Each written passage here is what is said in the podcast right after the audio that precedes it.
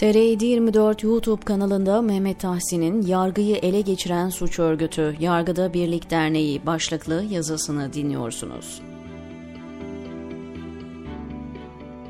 17-25 Aralık yolsuzluk soruşturmalarını engelledikten sonra polis ve yargıyı yeniden dizayn eden AKP iktidarı Gülen cemaatine karşı mücadele edebilmek için dini cemaatlerden suç örgütlerine kadar gayri memnun kim varsa yanına aldı.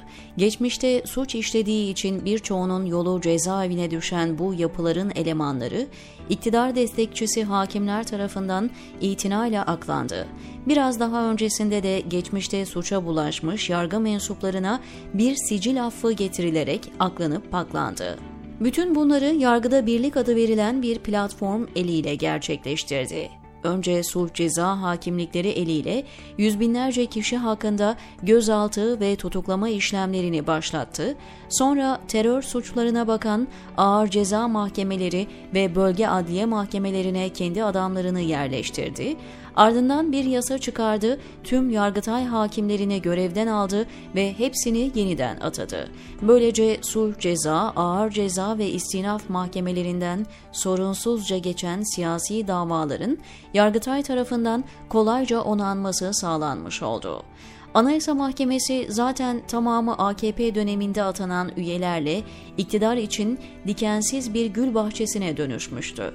Yani yargılama sürecinin sonrasında bireysel başvuru için kapısına dayandığınız Anayasa Mahkemesi'nde de yine YBD'li üyeler sizi karşılıyor. Aynı operasyonun idari yargıda yapıldığını söylemeye gerek yok. Halen 10 bine yakın üyesi olan Yargıda Birlik Derneği özellikle kritik mahkemelerde terör mahkemeleri, istinaf ve yargıtayda kümelenmiş durumda. Bu arada ülkede ne kadar beceriksiz ama iktidar ortağı partilere yamanmış avukat varsa tamamına yakını hakim ve savcı yapıldı. Şimdi kendilerini atayan makamlara karşı diyet borçlarını ödüyorlar. Geçtiğimiz günlerde Halk TV'ye konuşan Gelecek Partisi Genel Başkanı Ahmet Davutoğlu, başbakan olduğu döneme dair çok önemli bir ifşaatta bulundu. Gazeteci Suat Toktaş'a konuşan Davutoğlu, 2014 yılında başbakan olduktan hemen sonra kendisini ziyarete gelen Yargıda Birlik Platformu üyeleriyle aralarında geçen diyaloğu anlattı. Davutoğlu, Ekim 2014, 2 aylık başbakanım. 2014 HSYK seçimleri var. Yargıda Birlik Platformu beni ziyarete geldi. Kendilerini takdim ettiler. Biz Yargıda Birlik Platformu oluşturduk ve birer birer kendilerini tanıttılar. Birisi dedi ki, ben ülkücü milliyetçi yargı mensupları adına söylüyorum başbakanım. Biz bunlara karşı işbirliğine varız. Diğeri, ben sosyal demokrat şeyler adına Birisi ben muhafazakar adına, birisi ben şu vakıf adına, bu vakıf adına falan. Dinledim. Dedim ki bu yapıya karşı mücadelede bir araya gelmenizden memnun oldum. Bu seçimde bunları tasfiye edin. Ama o gün geçtikten sonra bir daha benimle görüşecekseniz karşımda muhafazakar yargı mensubu, ülkücü yargı mensubu, sosyal demokrat yargı mensubu, şu vakıf yargı mensubu görmek istemem. Yargı mensubunun vakfı, derneği, cemaati, kimliği, siyaseti olmaz. Tek bir kimliği olur. Hakim olmak, savcı olmak tek bir değeri olur, adalet. Ben başbakan olarak size söylüyorum. Hiç kimse size müdahale edemeyecek ama sizin herhangi bir şekilde yargıda şu veya bu yapı altında örgütlenmeniz söz konusu olursa buna da asla izin vermeyiz. Benzer cümleleri en son katıldığı bir YouTube kanalında da aynen tekrarladı. Başbakanlık yapmış birinin ağzından bu sözlerin dökülüyor olması son derece önemli. Sonrası malum. 2014 HSYK seçimlerinden zaferle çıkan Yargıda Birlik platformu sonradan Yargıda Birlik Derneği olacak. Gülen cemaatine karşı başlatılan cadı avının asli unsuru haline geldi. Düşünsenize, isimsiz bir ihbarla hakkınızda FETÖ'cü diye işlem başlatılmış, karşısına çıkarıldığınız YBD üyesi sulh ceza hakimi tarafından savunmanız bile dinlenmeden tutuklanıyorsunuz. Bu karara yaptığınız itiraz bir başka YBD üyesi sulh ceza hakimi tarafından reddediliyor. YBD'li bir savcı hakkınızda iddianame hazırlıyor, sizi silahlı terör örgütü üyeliğiyle suçluyor. YBD'li 3 tane ağır ceza hakimi ve bir duruşma savcısı tarafından yargılanıp hapis cezasına çarptırılıyorsunuz. Karara karşı istinaf itirazınızı üçü de YBD üyesi hakim reddediyor. Yargıtay'a giden dosyanız yine 5 tane YBD'li yüksek yargıç tarafından onanıyor.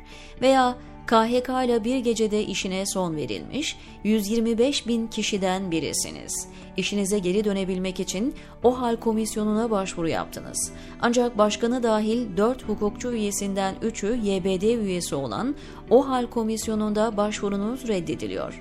Karara karşı idare mahkemesine dava açıyorsunuz. YBD'li hakimler davanızı reddediyor. Bir üst mahkeme olan Bölge İdare Mahkemesi ve Danıştay'da itirazınızı değerlendirecek hakimler de yine YBD üyesi. Daha işin başında seni yok etmeye karar vermiş bir kişiden hangi adaleti beklersiniz? Tam da Ziya Paşa'nın dediği gibi, Kadıoğla davacı ve muhsır dahi şahit, ol mahkemenin hükmüne derler mi adalet? Normal bir hukuk devletinde bir gruba karşı mücadele amacıyla kurulmuş bir derneğin üyesi olmak, o gruba ait davalarla ilgili ihsas-ı reyde bulunmak anlamına gelir. O grupla ilgili davalara hiçbir YBD'li hakimin bakamaması gerekir. Bu reddi hakim sebebidir. Kendisiyle görüştüğüm eski bir cumhuriyet savcısı yargıda birlik konusunda çok daha enteresan şeyler anlattı. Öncelikle ortada örgütlü bir şekilde işlenen bir suç söz konusu.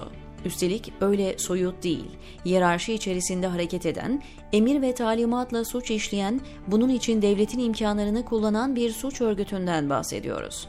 Örgüt dedim çünkü YBD sıradan bir dernek değil ve bu örgüte her isteyen üye olamıyor.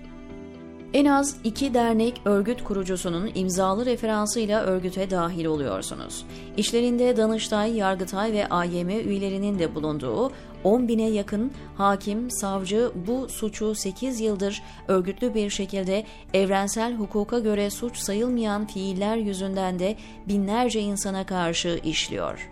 Toplumun bir kesimini yok etmek için kurulmuş bu örgüt, devletin her türlü imkanını kullanarak koca bir ülkeyi terörize ediyor. Sırf birilerinin ebleh çocukları hesap vermesin diye siyasetin köpeği yargıçlar eliyle yüz binlerin hayatı karartılıyor. Şimdilerde ittifak ortaklarının aralarında it dalaşına şahit oluyoruz. AKP iktidarı seçimlerde kaybedecek olursa ortalık şenlenecek. TR724 yazarı Ahmet Karabay, aylar önce kaleme aldığı bir yazıda ülkücü savcıların hazırladığı iddianamelerden bahsediyor. AKP'liler aleyhine suç dosyalarının hazırlandığını, soruşturmaların büyük ölçüde tamamlandığını anlatıyor. Bugün yaşananlar aslında gelecekte olacaklar hakkında az çok fikir veriyor.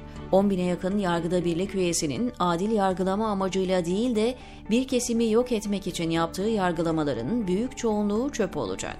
Gelecekte yargıda birlik üyesi bir hakim tarafından yargılanıp ceza almış olmak yeniden yargılanma sebebi sayılacak ama Bade Harabil Basra diyor Mehmet Tahsin TR724'deki köşesinde.